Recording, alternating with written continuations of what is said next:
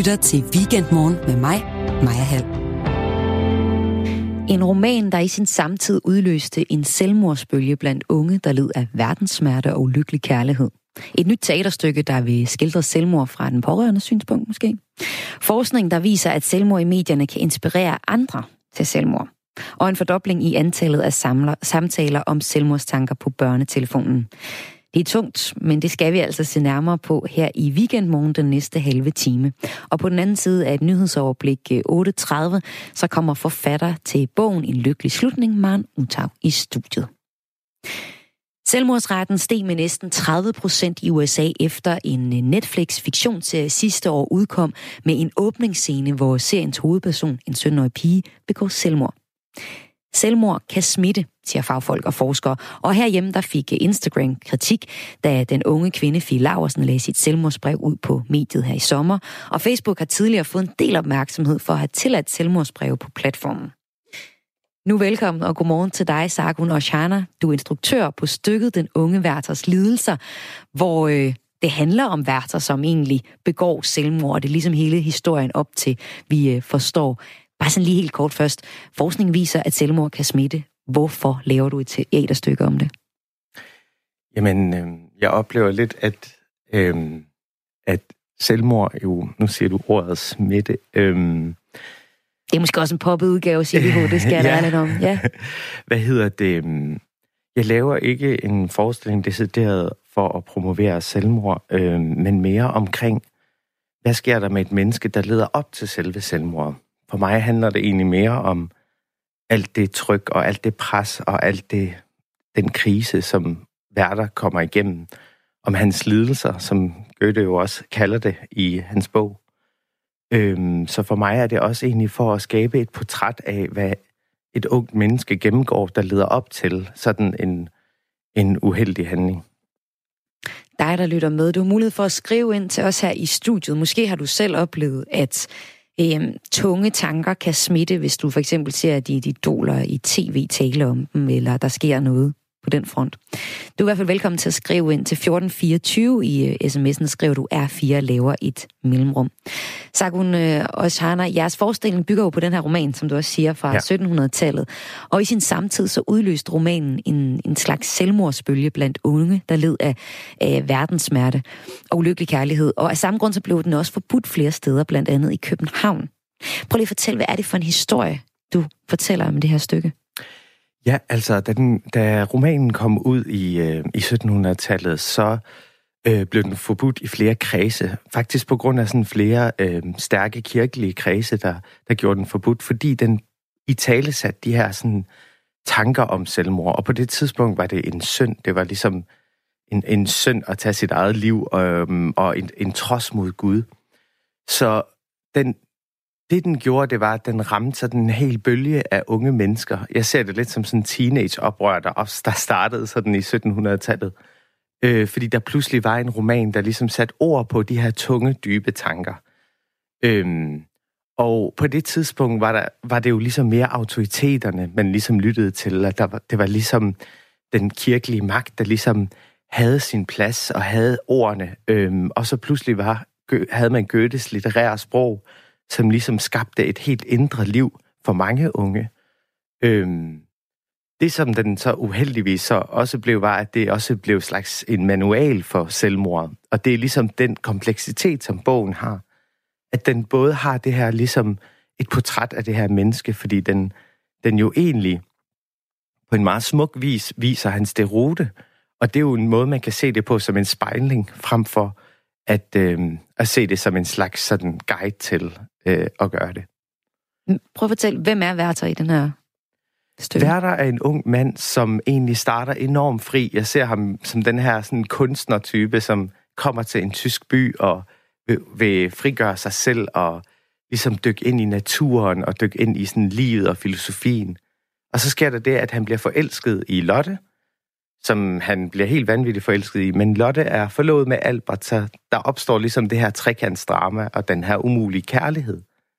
Og det eskalerer så, så gør det sådan, at øh, et, han kan ikke få hende, og det sender ham bare i en dyb depression. Og det ender så med, at han tager sit eget liv, fordi han ikke kan være i sin egen lidelser. Men i vores version, i teaterversionen, og sådan som jeg læser bogen, så holder det op med at handle om Lotte på et tidspunkt, fordi der er noget mørke, der overtager. Så det her med at se det som, at det er den umulige kærlighed, der gør det, eller det er den her væltsmærs, det, øhm, det prøver jeg lidt at adskille i den forestilling, jeg laver, fordi jeg ser mere væltsmærsen som en genre, en form, som, som kloge hoveder ligesom har, har læst om den her roman og den her tid. Men jeg synes da, nu var jeg inde og se stykket til premieren i går, jeg synes da egentlig, man, er, man hele tiden har Lotte med i hans tanker. Altså det er selv, helt til sidst, så er det jo Lotte, han adresserer. Har jeg misforstået noget som, som teatergænger? Overhovedet ikke. Du, jeg blev faktisk meget glad for at høre den tolkning, fordi øhm, Lotte i bogen, i, i Goethes roman, når jeg har læst den, så oplever jeg hende egentlig ret passiv, eller egentlig som et objekt, fordi han ligesom er hovedkuls forelsket i hende, og på et eller andet måde objektificerer hende, fordi hun bliver ligesom den her muse, den her katalysator for hans lidelser. Og øhm, jeg havde sådan lyst til at vende det hele på hovedet i teaterversionen. Jeg havde lyst til at, at se på det som, jamen, hvem er det egentlig også, der lider ud over den person, som går igennem den her krisetilstand? Jamen, det er også de pårørende. Det er også hende, der står tilbage med tabet. Og når et menneske dør, så efterlader det ligesom et krater af sorg. Og de mennesker, der står tilbage, skal ligesom leve med de lidelser. Så på mange måder handler forestillingen faktisk også om Lottes sorgbearbejdelse. Og så siger du så, at det ikke, at det I ikke vil lave i det her teaterstykke, var ikke sådan en, en guide til et selvmord, eller til at man ligesom kunne hente inspiration til, hvorfor det er okay. Men det første, der slog mig, da jeg kom ind og så den, det var, øh, vi har Lotte, som har sådan nogle gamle klæder på, og så har hun en øh, læderjakke på. Så på en eller anden måde, så kunne hun godt ligne en punker fra nutiden, der blander sådan mm. romantikken, lange gevanter og så punkjakke. Og, øh, og den måde, de udtrykker sig på, de, de tre personer her, meget sådan levende og spralske og springer rundt på scenen, der kunne jeg egentlig genkende rigtig meget ungdom i det, og ja. kunne ikke lade være med at sidde og tænke sådan, nej, der kunne da godt være nogen, sådan en, en emotional øh, ung, der kommer ind med sine forældre og ser det her teaterstykke og tænker, åh, oh, den der smerte, altså tager den sådan helt på sig, og kunne godt tage den med sig hjem. Er du slet ikke bange for, at det kunne komme til at ske? Altså, når jeg laver teater, og når vi laver det her, de her forestillinger, så laver vi det jo for, at mennesker mærker den der smerte, og har et, et rum, hvor de kan ligge deres smerte, og man faktisk kan give udtryk for det. Meget af det, som karakteren Werder også kæmper med, det er, at han ikke har et sted at gå hen med sine følelser. Og det gør, at han isolerer sig. Så jeg ser det mere som, at teateret kan være et rum, hvor man kan gå hen og ligesom give, øh, give slip på sin smerte, og give ligesom øh, øse sin sorg ud på et eller andet måde. Øh, så det ligesom har den omvendte funktion, at det faktisk kan være en ventil, et rum, hvor man kan gøre det. Fordi øh, der er jo også en fare for, at man kan isolere sig med sine tanker. Så en måde ikke at snakke om det, kan også være en måde at censurere de her øh, tanker, som også kan være farligt. Fordi vi ved også, at hvis man isolerer sig og går med det selv af skam eller frygt for at ligesom tale med nogen, så kan det øh, gøre, at man ligesom, ja, bare bliver mere alene med det. Så jeg ser det mere som, at vi skaber ligesom et rum, hvor unge ligesom kan genkende sig selv. Men jeg vil gerne give den tillid til unge mennesker til, at de selv kan vurdere, altså at de kan se, hvad det er, der sker med værter, at det ikke er det sundeste. Fordi man kan sige, når man læser romanen, Goethes roman, så er der det her smukke Sturmundrang sprog der, der er hele den her litterære skønhed og den måde, han skriver på. Man er meget inde i sådan en tunnelsyn, når man læser hans roman. Øh, man er inde i værters hoved. Her, når man ser teaterstykket, fordi det er skuespiller, fordi det er kød og blod og krop øh, på scenen, så kan vi jo se, at det, han siger, er ikke altid det, han mener, og vi leger med en form for undertekst. Så vi giver ligesom også et billede af, at det her det er et menneske, der går opløsning af de her. Så der, der er ligesom en form for katarsis i at se, at det her ikke er det rigtige. Mm. Og vi har derudover også gjort os meget bevidste om, ligesom, hvordan vi portrætterer det her. Der er et helt sådan, og sådan en epilog, som vi har skåret ud, der handler om ligesom beskrivelsen af hans selvmord i mm. detaljer. Øhm, fordi det synes jeg personligt ikke er relevant at, at portrættere. Mm. Og nu har I valgt at sætte fokus på det, og I er jo faktisk ikke alene. Aalborg Teater gør det også, og har også taget præcis den her, det her stykke Værters Ledelser øhm, op, og har spillet det før, og gør det igen til april, hvis man er interesseret. I det hele taget, så havde jeg en snak med dig før udsendelsen om, at flere teaterstykker for nylig har behandlet emnet selvmord. Øhm, hvorfor tror du, at det er interessant for jer teaterfolk at tage fat i det lige nu? Eller er det generelt i kulturen? Jamen, det er et godt spørgsmål. Altså, jeg har også oplevet en stor sådan fokus på det. Øhm, men jeg tror, at det er det her med, at det er jo bare uheldigvis et, en, øhm, altså, øh, ja, det er uheldigvis ligesom et, et fænomen, eller altså ikke et fedt fænomen, men ubehageligt fænomen, som stadig eksisterer. Mm. Og det her, det, altså, det havde man fokus på allerede i 1700-tallet, mm. og vi taler stadig om det i dag. Noget, jeg kan mærke i samtiden, det er, og det som Værter også kæmper med i vores forestilling, det er hele det her med, at han har det der kæmpe følelsesliv, og det der ændret liv, og han møder ligesom en mur af fornuft. Og jeg tror, at det her, den her fornuftsmur, eller det her fornuftsamfund, er måske også noget, som vi har, som vi har oplevet meget i vores samfund. Øhm, så der er måske en spejling der, som man ligesom kan genkende fra det, som Werther oplevede i 1700-tallet. Men du kunne jo også bare lave et teaterstykke om alle mulige... Altså, der er jo mange emner, man kunne tage fat i. Hvorfor lige selvmord? Jamen, jeg tror... Er det vigtigt? Jamen, jeg tror ikke, det er, det er kun selvmord, jeg ønsker at portrættere. Øhm, det er også det her, det unge menneske, som jeg sagde, og hele sorgbearbejdelsen, og de pårørende, der er efterladt. Så det er egentlig for mig er selvmordet egentlig ikke det, jeg sådan... Øhm, det er ikke det, jeg har gået efter, når jeg har lavet forestillingen. Øhm, men samtidig synes jeg også, det er vigtigt at snakke om. Og det er vigtigt, som du også startede udsendelsen, at linke til livlinjen, som vi også gør i vores hjemmeside på Aarhus Teater. Øhm, og det er vigtigt at tage fat på, fordi øhm, det, det er virkelig et kæmpe kompleks problem, og det er virkelig ærgerligt og, og, og uheldigt, at der er så mange, der også øh, begår selvmord. Øhm, og, men det er ikke så sort og hvidt, at man bare ikke sådan skal om behandle emnet. Fordi man kan også sige, nu snakker vi om det i radioen. Er det også noget, der smitter mm. for alle de unge? Har, har, har du egentlig også et ansvar for at snakke om det her nu? Men det er jo et tvækket svær, fordi vi har også brug for at sige, at der er hjælp at hente. Øhm, og det er jo også det, som som gør det sindssygt kompleks, også i vores tid nu, fordi der også er et kæmpe talerør øh, igennem medierne, og også igennem øh, de sociale medier. Nu nævnte du også Fie Laversen, som jo også, jamen, som jo på en måde, det var jo også et kald til øh, et råb om hjælp på et eller andet måde, og der er man jo på en måde gået sig heldig, at man at hun lagde det ud på, på nettet, så, så der var ligesom en hjælp at hente. Og det skal vi tale øh, mere om øh, lige om et øjeblik, hvor vi skal se på, ja, hvad har også medier egentlig af ansvar, og når sådan en, en Instagrammer som Fia Laversen lægger sit selvmordsbrev ud på øh, nettet. Sagun Oshana, du er instruktør på Den Unge Hverdagsledelse. Tak fordi du kom ind og fortalte om det. Selv tak, og må jeg lige sige, at ja. øh, der er jo helt udsolgt på vores forestilling her på Aarhus Teater, men vi spiller igen på sort-hvid scenen øh, i København fra den 31. januar. Og så er der en anden udgave af det i Aalborg, hvis øh, ja, man det er rigtigt, skal der spiller til april. Ja. så kan man se begge dele. Og øh, dig, der lytter med, hvis du øh, selv har selvmordstanker, eller kender nogen, der har, så øh, kan man altså søge hjælp ved at kontakte Livlinjens telefonrådgivning på 70 201 201. Og altså, du kan også henvende dig som pårørende til en, der går med selvmordstanker, eller som efterladt.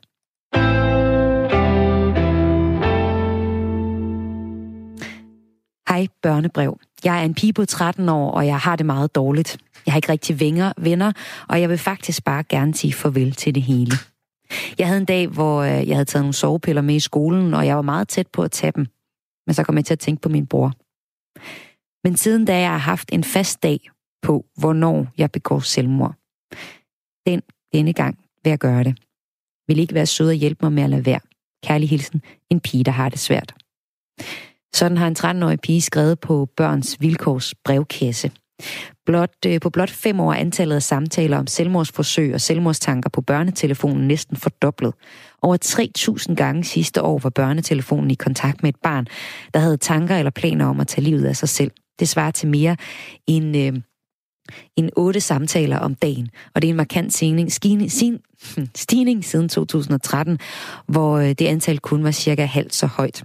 Og tendensen den ser ud til at fortsætte. Da jeg kontaktede børnetelefonen her i løbet af ugen, så fortalte de, at den nye opgørelse med tal fra januar til august 2019 lyder på, at 2.403 børn har ringet ind for at tale om selvmordstanker. Og det er jo rigtig godt at ringe ind og tale til børnetelefonen, hvis man har de her tanker. Du kan ringe ind som barn på 11 61 11.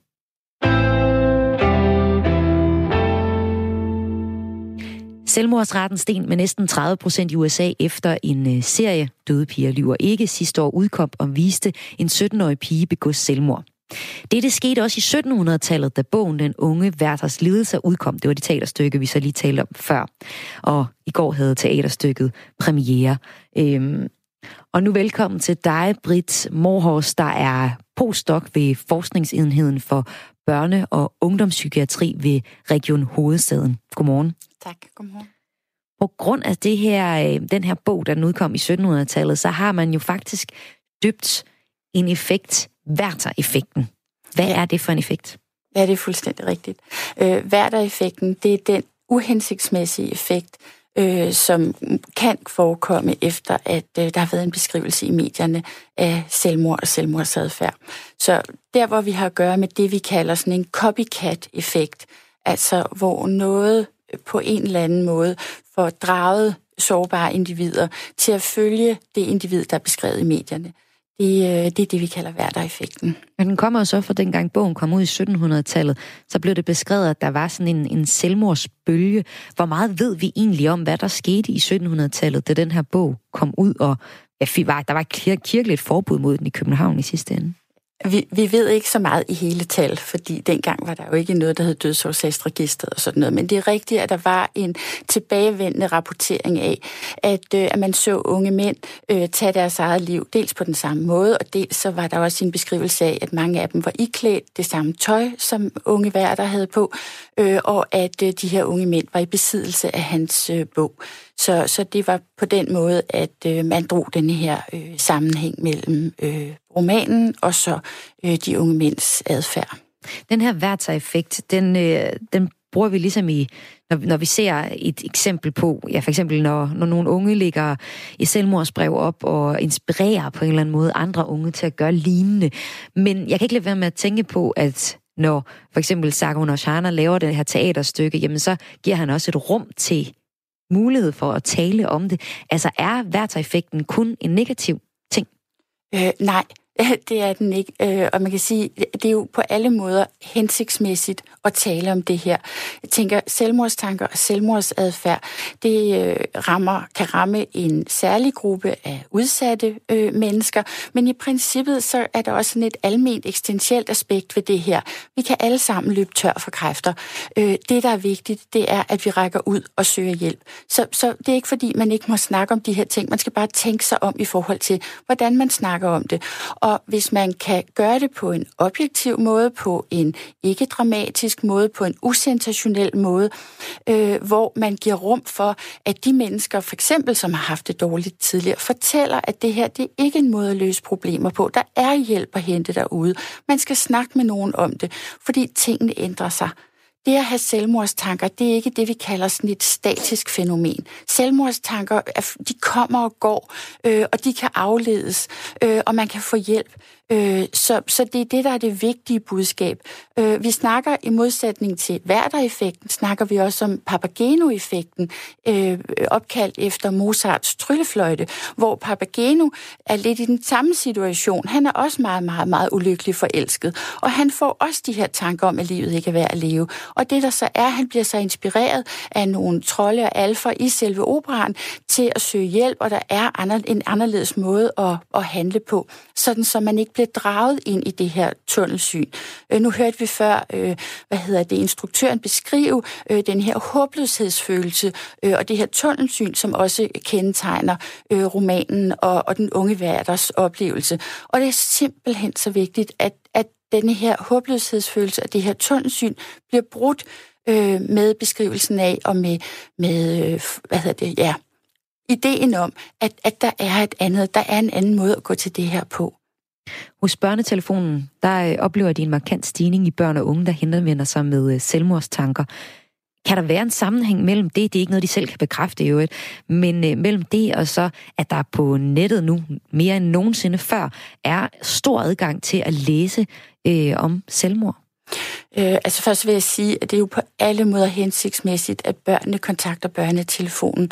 Ræk ud, altså skriv til nogen, hvordan I har det, og så øh, få noget hjælp. Det er jo det allerbedste, øh, der kan ske. Øh, det er fuldstændig rigtigt, at der foregår rigtig, rigtig mange uhensigtsmæssige ting på nettet, øh, og, og det er jo i stort omfang svært, svært at, at forhindre det. Øh, og, og hvor inspirationskilderne kommer fra, øh, det er også rigtigt. Det kan vi ikke sige noget entydigt om, men, men det er fuldstændig rigtigt. Der foregår en hel masse uhensigtsmæssigt derude i, øh, i forskellige fora, som, øh, som det er meget, meget svært at, at forebygge. Hvad skal sådan teaterstykker, bøger og andet kultur være opmærksom på, når de behandler emnet selvmord? Jamen, det vi skal være opmærksom på, det er, altså nu er med på, at her taler vi teaterstykker. I teaterstykket er det jo iboende, at det er et drama. Mm. Men, men, men det, som altså WHO har udarbejdet sådan nogle medie- og afrapporteringsguidelines, øh, hvor de kommer med anbefalinger til, hvordan man kan gå til det her.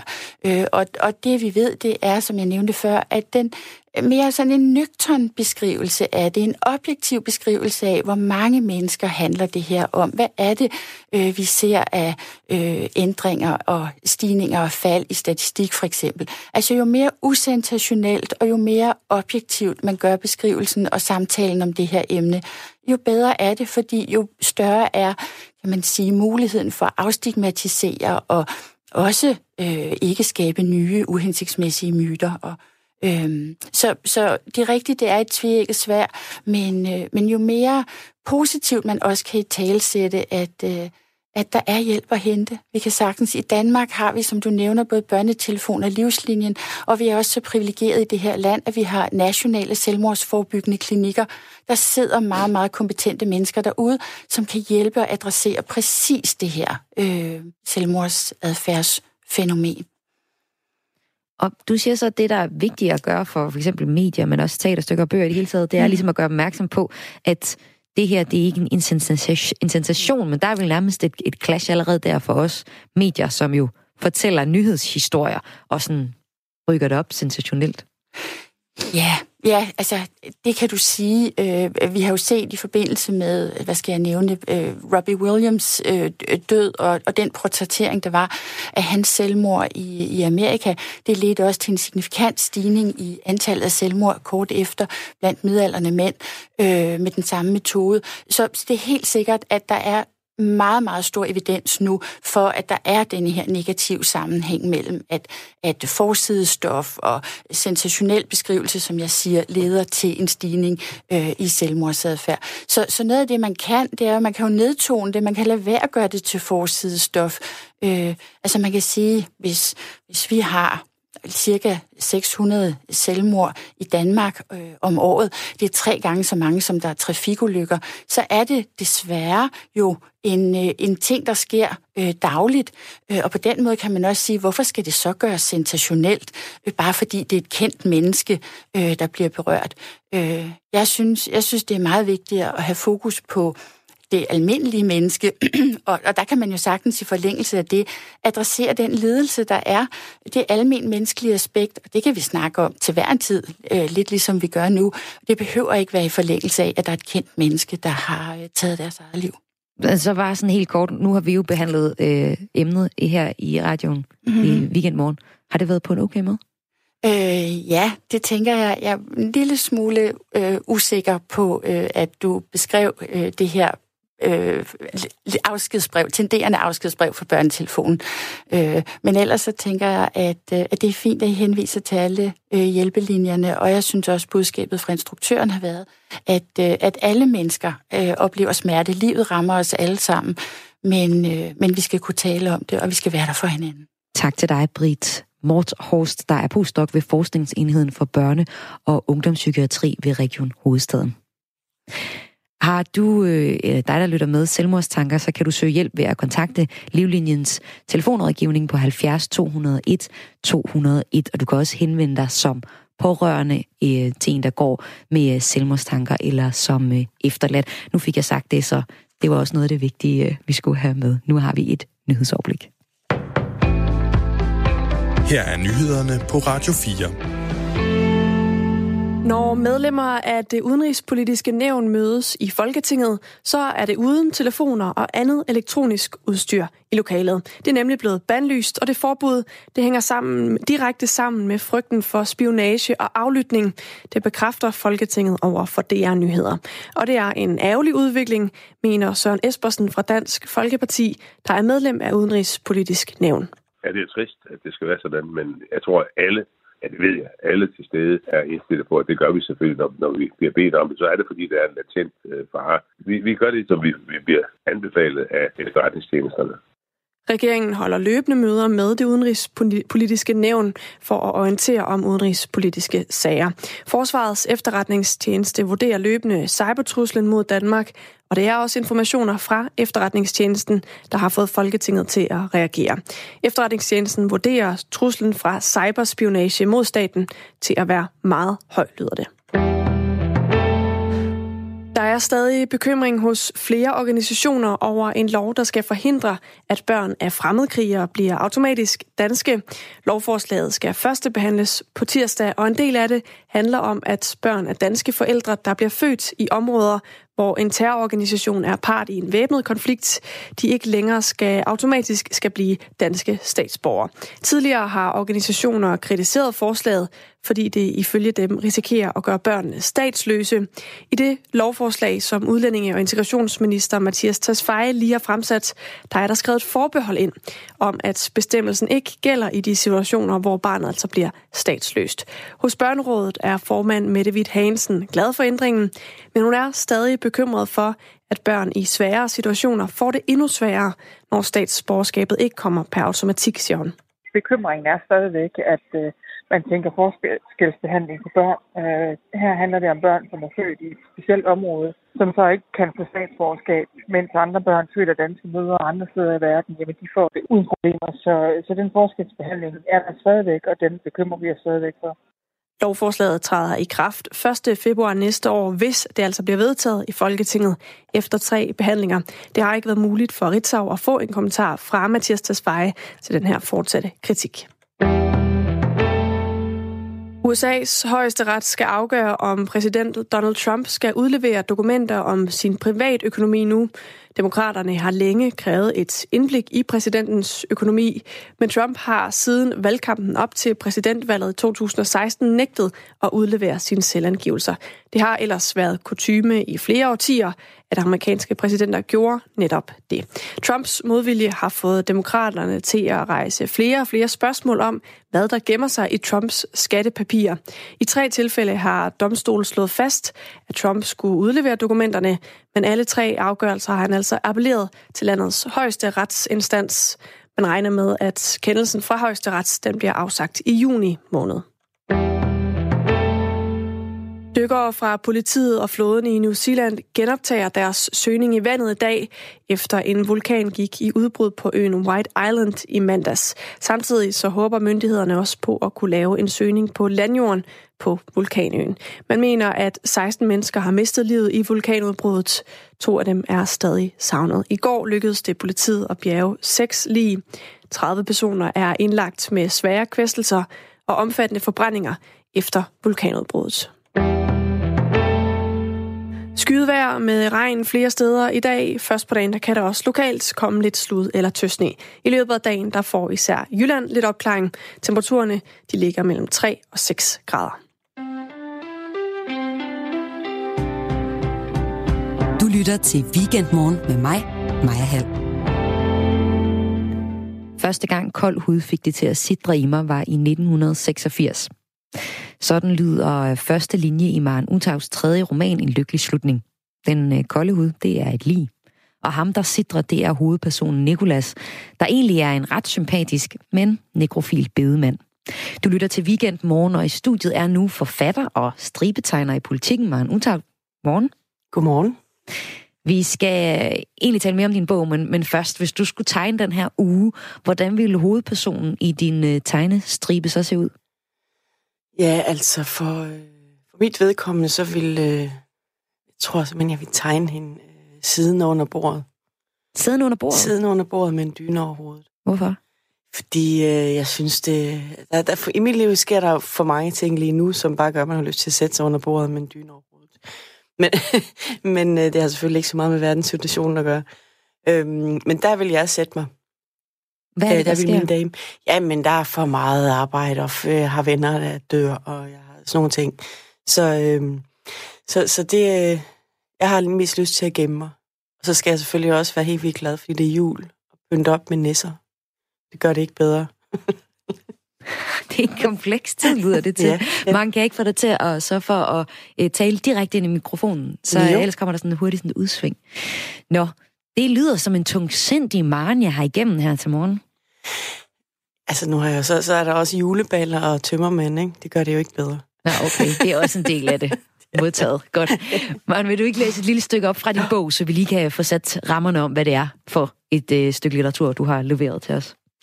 Øhm, det kan jeg faktisk ikke, fordi det er, jeg har glemt min bog. Nå, men så bliver du nødt til at forklare lidt om den i stedet for. Jeg har simpelthen også glemt din bog, kan jeg sige. Ja, det er super godt. Så øh, der er vi i samme båd der, ja. Øh, hvem er det, hvad er det for en hovedperson, vi har i øh, En Lykkelig Slutning? Min hovedperson er Nikolas, som er en, øh, en bedemand sidst i 40'erne, der har øh, to børn. Hans kone døde for mange år siden af kræft, så er han alene med de her to børn. Og han er øh, det nulevende led i en, øh, en lang række af bedemænd. Øh, det, det, øh, det er en bog om syv generationer af bedemænd, den ene efter den anden. Der er en enkelt bede kvinde imellem, og resten har været, har været mænd. Øh, og de øh, har alle sammen hver deres øh, forhold til døden. Der er nogen, der går op i gengang, og nogen taler med de døde. Der er nogen, der går op i at øh, kremere. Øh. Så, så der er mange forskellige vinkler ind på, øh, på døden. Der er nogen, der er meget faktaorienteret. Hans mor for eksempel. Øh, omkring øh, historier og, og ja, fakta omkring døden. Så, øh, så, så vi følger ligesom, øh, vi følger Nikolas øh, nutidssporet, og øh, sideløbende så får vi øh, slægtshistorien, der kommer med en forklaring på, hvorfor han er endt der, hvor han er. Han er, som du siger, han er nekrofil, og øh, plages meget med den øh, last. Det er ikke sådan, at han bare øh, øh, tager for sig af lig. Han, øh, han har faktisk undertrykt sin trang, siden han faldt i første gang som meget ung, faldt han i og opdagede, at han havde den her brist. Og siden har han faktisk undertrykt den, fordi han er jo opdraget til at have stor respekt for de døde, og, skulle, øh, og han er jo, det er jo hans ansvar, at de kommer øh, ordentligt og kærligt herfra, så derfor ønsker han ikke at begå overgreb. Så han har undertrykt den her øh, trang hele sit liv, og har også haft lange perioder, hvor han troede, han var kureret, og han for eksempel blev gift og var lykkelig. Øh, og så kommer der selvfølgelig den her dag, hvor han møder en død. Mm. Og så har vi balladen. Ja. Og så får vi så oprullet sideløbende, øh, hvorfor, øh, eller et svar på, eller bare en vej hen til, ikke, hvor meget, altså det er måske bare vejen hen til, at, øh, at, vi, at slægten er endt der, hvor den er i dag. Hvorfor er det interessant at høre om en, eller skrive en bog om en bedemands slægt, Maren?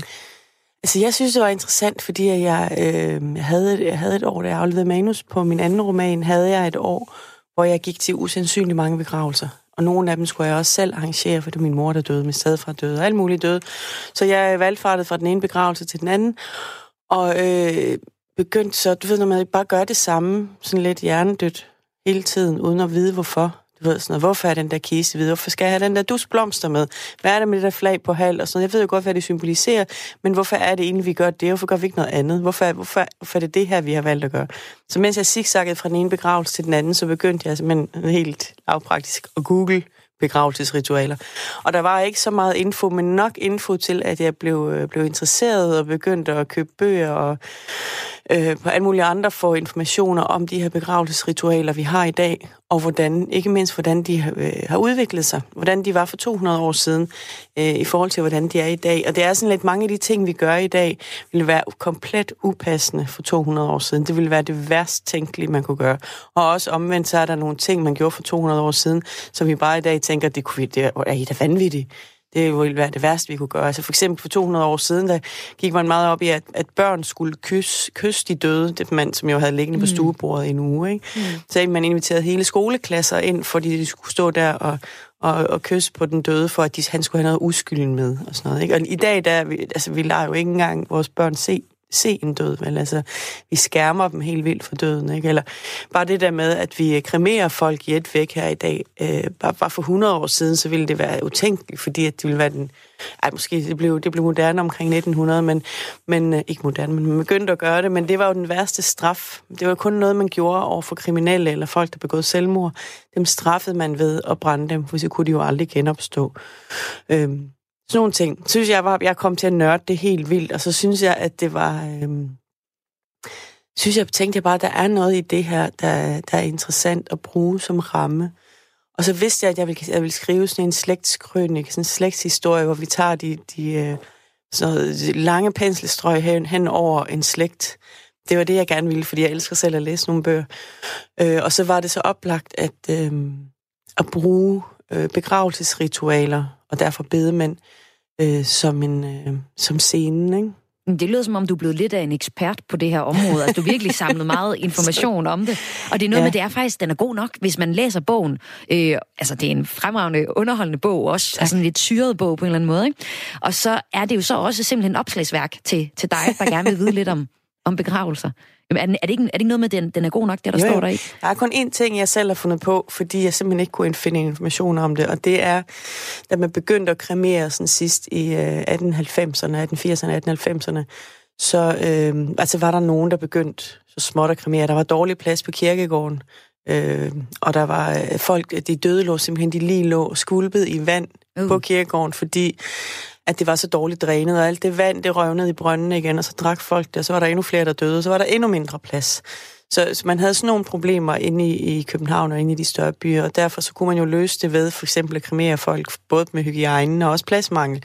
Men der havde vi problemer med kirken, fordi at de... Øh, altså hvis man, hvis man bare en bunke aske, med, hvordan skal man, hvad skal man så genopstå af? Og der er også noget med, hvilken vej man skal begrave sig, alt det der hovedet mod den ene og den anden vej. Så det, så det kan man jo heller ikke, når man bare er, er, er, er støv. Øhm, ej, nu kommer jeg til at tabe tråden, hvad var det, du spurgte mig?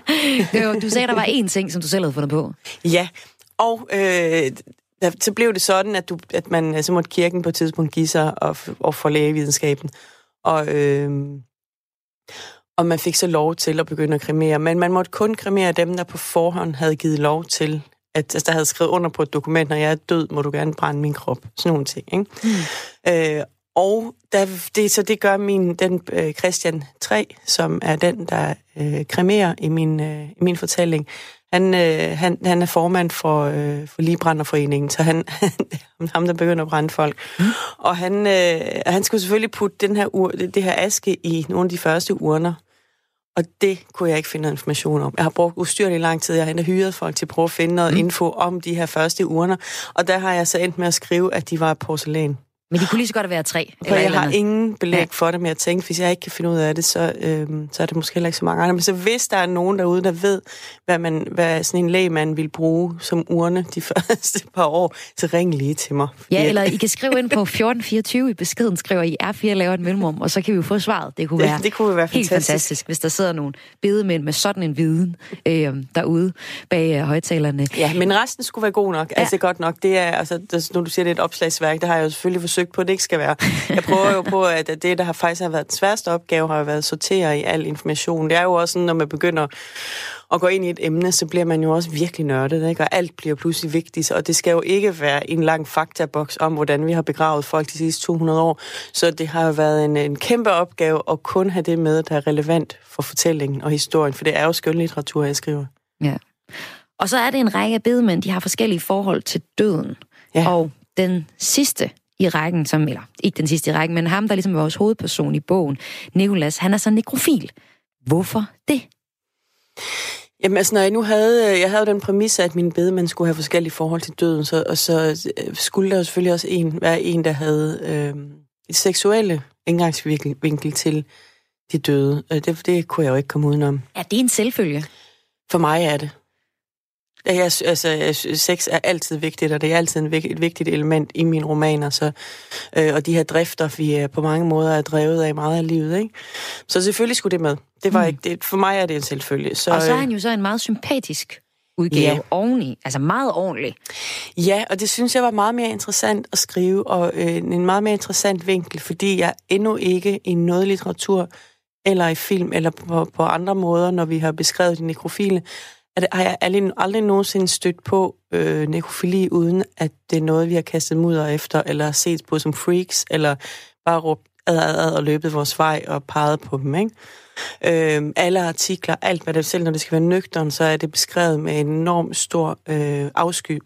Og det forstår man jo godt. Jeg synes jo også, det er virkelig mærkeligt. Altså, jeg, synes, jeg, er sådan, jeg, jeg, jeg synes jo også, det er ulækkert. Og jeg synes jo også, at det er en virkelig weird trang at have. Men den findes jo.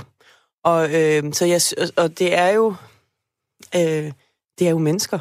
Og, det, og, der, og der er ikke nogen... Øh, jo mere jeg begyndte at læse om det her, jeg var selvfølgelig også nødt til at læse utrolig meget om nekrofili, og øh, prøve at sætte mig ind i det på alle mulige måder, hvilket ikke var en, en nødvendigvis specielt behagelig research, vil jeg sige. Jeg bliver aldrig helt den samme igen, tror jeg. Mm. Øh, altså, der er jo ikke nogen umiddelbar grund til, at der er nogen, der bliver belastet med sådan en drift. Der er ikke, man har ikke fundet, ah, det er derfor, og hvis du sker det der i dit liv, så bliver du nekrofil. Det vil sige, at der er en gruppe mennesker, der ligesom bare har været så uheldige for tildelt den her drift, som de så må leve med på den ene eller den anden måde. Skammen og Øh, altså, u, altså det, må, det mest være, det må meget, de skammer sig, hvor svært det er. Altså, jeg, et, på et tidspunkt i researchen kan jeg huske, at jeg lænede mig tilbage og bare takkede guderne for, at jeg var blevet tildelt en seksualitet og en drift, som var inden for lovens rammer og så utrolig kedeligt, at det ikke kunne genere nogen som helst. det, altså, det skal man lige huske at prise sig lykkelig for, fordi det er sgu ikke et nemt liv, øhm, når man har fået tildelt noget, som, øh, som vi ser som så forkasteligt, og, og, øh, og som bliver straffet, hvis det bliver opdaget. Ikke? Øhm, men, men med det i mente også, så havde jeg jo lyst til, at han, at han beskrive ham som menneske. Jeg kunne godt tænke mig at have en nekrofil, som vi gik ved siden af og i armkrog, og fulgt hans øh, op- og nedtur og hans besværligheder ved det, i stedet for at vi stod ude på sidelinjen og kastede ting efter ham og råbte, vi for fanden. Så det var min udfordring, og det var meget, en, en meget sjovere måde at skrive det på, mm. end det andet ville have været. For det andet ville være fornemt, der findes simpelthen så meget, mange bøger og sådan noget om det, ikke? Mm. Hvor vi sådan noget gyser og læser det og får sådan helt, uh,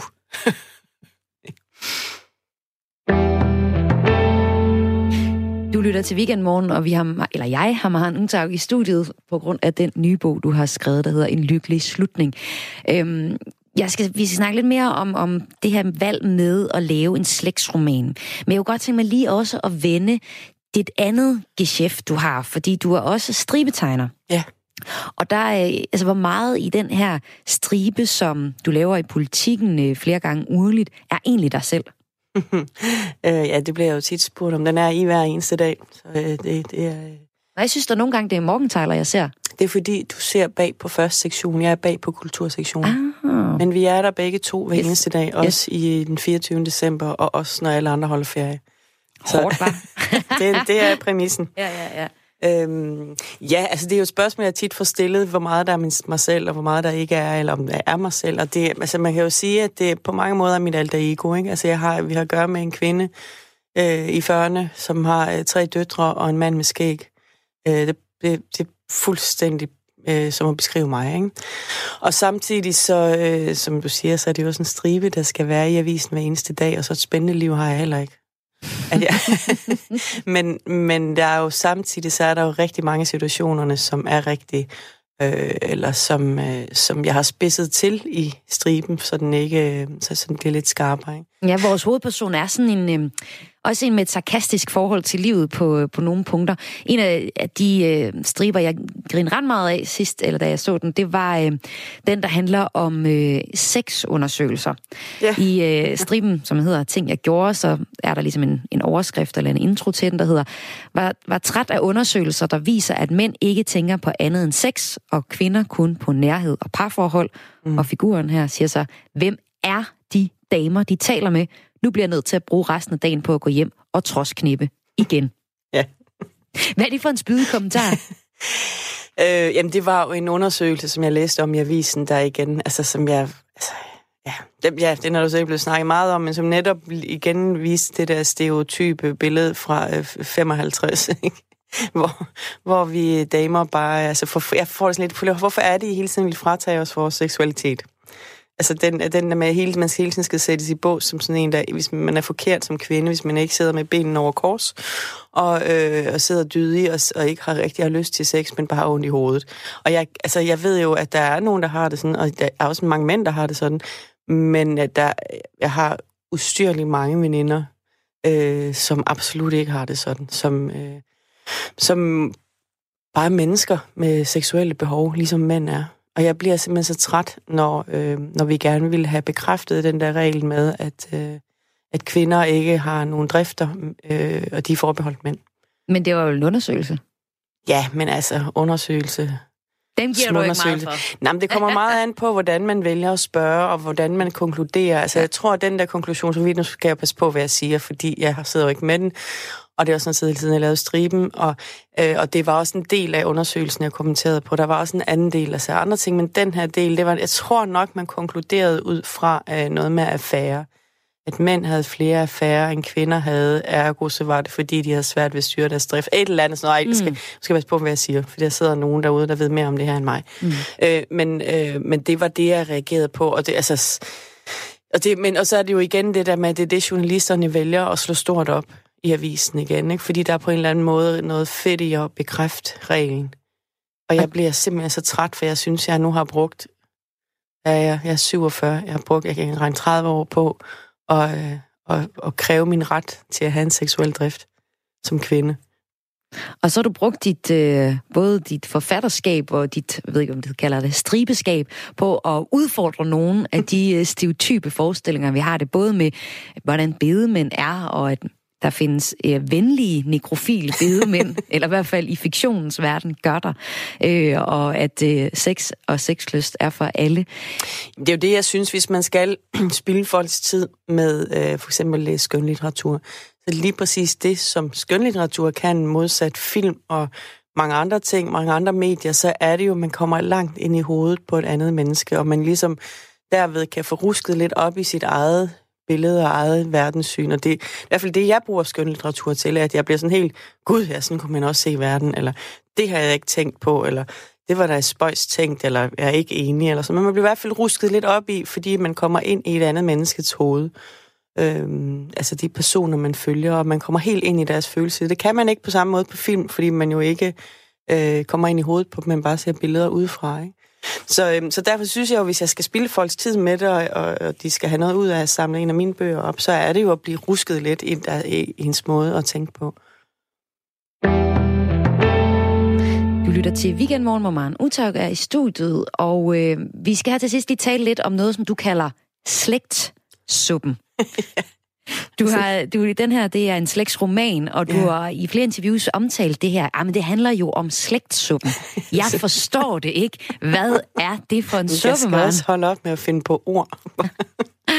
og så forvente, at alle ved, hvad jeg snakker om. Jamen, nu kan du i hvert fald få mulighed for at forklare det. Ja, men det, jeg kalder slægtssuppen, er, altså det er jo egentlig bare noget, jeg kalder det hjemme ved stuebordet, når jeg snakker med min kæreste om det. Ikke? Øhm, det er de der øh, mærkelige bånd øh, og hensyn, man tager til sin familie og sine øh, forældre og sine bedsteforældre og sine onkler og tanter. Altså, der er jo sådan noget med, at øh, nu min mor så er desværre død, men altså, da hun levede, så skulle hun bare kigge på mig på en særlig måde, øh, så kunne hun få mig til at gå i spagat, selvom jeg på forhånd havde aftalt med mig selv, at øh, nu ville jeg gøre sådan, som jeg havde lyst til, det skulle være, og ikke øh, som hun synes, det skulle være. Ikke? Og det var småting. Det var, det, det, det, men man bliver, jeg bliver hele tiden... Øh, der er noget burder ind over det, ikke? Og vi... Øh, altså nogle bånd, som man ikke kan... Hvis man, det er nok, fordi vi er sådan med flokdyr, og vi er bange for at falde ved siden af og sådan noget. Og jeg kan sige, det, som jeg, som jeg går slægtssupper rimelig meget over for tiden, det er et chatol. Mm-hmm. som er, øh, da min mor døde, så arvede jeg en masse møbler, som har været min bedsteforældres, min mor og morfars, og, og min morfar, han var desværre, vil jeg sige, ikke fordi han ikke var dygtig, men han byggede rigtig mange møbler. Og det er jo super hyggeligt, men de møbler har min mor jo beholdt, for dem har, dem har min far jo bygget til min mor, til forlovelsesgave og til julegave og alt muligt. Og det vil sige, at de så er så endt hjemme med mig, og noget af det sidste, min mor sagde, inden hun døde, dem, var, dem måtte jeg jo ikke smide ud. Mm. Og det er jo super nemt for hende at sige, fordi hun boede på sådan en kæmpe stor gods, hvor hun havde plads til alle de her møbler. Jeg bor altså midt inde i København uden særlig meget plads, og så er der sådan et kæmpe stort chatol blandt andet, som jeg øh, hænger på, som min morfar byggede til min mormor i forlovelsesgave, i sådan noget mahoni. Kæmpe skrummel, totalt ubrugeligt, ret grimt, men det er jo chatollet. og der sidder jeg fast i slægtsuppen, fordi hvis jeg bare ser på det der, ikke? Hvis nu jeg kom hjem til nogen og så det der chatol, så vil jeg sige, brændt over lort, jeg har aldrig set noget grimme, og hvor er det upraktisk. og du har jo virkelig ikke noget plads, så du kan jo ikke have det der skrummel stående. Øhm, men jeg er jo bundet op omkring følelser. Det handler jo ikke en skid om det der chatol. Det handler jo om, at hvis jeg smider det ud, så smider jeg både min mors kærlighed, forventninger øh, og øh, min morfars kærlighed til min mormor smider jeg, så det er skraldespand. Du ved, det er sådan noget der. Jeg bliver sindssyg af det. Øh, så det går jeg altid og, og supper lidt med. Øh, men mm. altså, der kommer romaner ud af det, kan man sige. Det, det kan så være det gode af det. Du har selv tre børn. Ja, øhm, stakkels dem. Hvad tænker du om, at du supper videre på dem? Jamen, det tænker, jeg, det tænker jeg jo også en del på. Hvad giver jeg nu dem videre? Jeg kan jo se allerede, nu er de 11, 14 og 17, og jeg kan jo allerede se, at øh, jeg kan få dem til alt muligt, bare ved at kigge på dem på en særlig måde. Og de indimellem siger sådan noget til mig, altså når jeg bare siger, ej, gider du ikke lige give mig den blå? Ej, mand, du kan også bare altid give en dårlig samvittighed. Jeg sådan var. altså, så det, der er også et eller andet, der er indgroet i os, og selvom jeg prøver at være nøgteren, og, og selvom jeg prøver at være, øh, ikke give noget videre, så gør jeg det jo alligevel. Altså, det er jo helt umuligt ikke at gøre det, åbenbart. Og er det derfor, du også synes, det er interessant at skrive om? Ja, for jeg kan åbenbart, man kan ikke slippe væk fra det. Altså, så skal man i trods sætte sig ud på en øde ø og aldrig tale med nogen mere, tænker jeg, og så har man da virkelig, så man jo virkelig bundet op omkring slægtssuppen, hvis man bliver nødt til at sidde på en øde ø, ikke? Det er noget med at kunne leve med det frit i hverdagen jeg, jeg, jeg kender ikke nogen, det lykkes for, men jeg skal blive ved med at prøve til min død. Men jeg tror, at der er mange af dem, der sidder og lytter med, der har det. Du siger slægt, slægtsuppen som sådan en ulækker. Jeg forestiller mig sådan en grønlig masse med en masse ja. fluer i, der ikke er særlig lækker at have med sig. Men jeg tror, at der er rigtig mange, også med vores lyttere, der har det sådan. Familien er noget af det vigtigste. Det er ligesom det, der er kernen, og det jeg altid har vendt tilbage til, ligegyldigt hvor åndssvagt jeg har været på arbejde, eller i skole, eller hvor jeg nu tilbringer mest af min tid. Jo, jo, der er også mange gode ting ved, ved, ved familie, og øh, det, der er selvfølgelig problemet med det, det er jo ikke noget, det er jo ikke nogen, vi selv vælger. Det er lidt som, øh, man starter i første klasse og går i folkeskolen, og så er det ens bedste venner de næste 10 år, ikke? Så det er sådan rimelig random, hvad man bliver sat sammen med. Men, men der, altså, jeg synes ikke, for mig så er suppen ikke fuld af fluer og... Øh, øh, og ulækker og stinkende, det er den ikke. Det, det er bare, det er det med, det grund til, at jeg kalder det en suppe, det er, at den indeholder alle mulige ingredienser, som jeg ikke kan se og ikke kan gennemskue, hvad er. Det er elementer, som er blevet blendet sammen. Og så er det også nemt at drukne i. Altså, du ved, man kan få hovedet under vand indimellem, og kan ikke og så, så kommer jeg op til overfladen et øjeblik. Det, det, så, så det er jo ikke, det, det kan være kvælende, men man kan jo også bare flyde ovenpå, og det gør jeg jo også i perioder. Så bliver jeg ramt i hovedet af et chatol, og så er jeg nede igen. Ja, hvad kaster du videre til dine børn? Altså, forhåbentlig chatollet. du tænker simpelthen, du beholder det. Du kan jo også bare smide det ud, altså de er døde. Jo, jo, men det er jo ikke det, det handler om. Det handler jo ikke om dem, det handler jo mere om mig. Ikke? Altså lige for tiden, så er min, øh, min plan er, at prøve at se, om jeg kan tørne af på min søster. Fordi at hun er meget følsom væsen, så det kan godt være, at jeg kan manipulere hende til at tage de skide chatol, så jeg selv slipper for det. For så har jeg ikke smidt noget ud, jo. Men man, det lyder da også, som om du er et meget følsomt væsen, hvis du ikke bare kan smide det ud. Jo, ja, men jeg tror måske godt, jeg kunne. Altså, at hvis jeg siger, at jeg smider chatollet ud, så tror jeg måske, hun bliver nødt til at tage det. Så det er noget, jeg prøver bare at tænke på, når jeg spiller min kort bedst, så hun ikke opdager min... Øh, altså, hun ikke opdager, hvor følsom jeg også er. Ja, okay. Norman, du valgte at skrive den her slægtsroman øh, En lykkelig slutning, som mm. vi er glade for, at vi har fået lov til at læse. Men du havde også en anden bog, på, på, på, som du kunne muligvis kunne have gået i gang med nu. Nu har vi lige en mm. minuts tid. Hvad er den næste bog, du skal skrive, Emma? Oh, det er jo farligt at sidde og snakke om, og så i radioen alt Jamen altså, herregud, det er Radio 4, øhm, hvor mange lytter med. Klokken det er, okay, er 10 minutter i 10, der lytter. Det er jo det. Øhm, nej, altså, jeg, jeg, det andet, jeg også er meget optaget af, det er køn. Øh, fordi folk ligesom bliver så rasende, når man snakker om køn, ikke? Mm. Øhm, og, øhm, Eller gør så, de? Hvad bliver de rasende over? Man skal jo bare sige feminisme, så er der altid nogen, der bliver sure. Og jeg har, det selv, jeg har det selv sådan, at hvis der er artikler om feminisme, eller nogen snakker om feminisme, så overgår jeg ikke læse det. Så bliver du også sur. Jeg bliver, nej, jeg bliver bare allerede træt og tænker, hold nu kæft.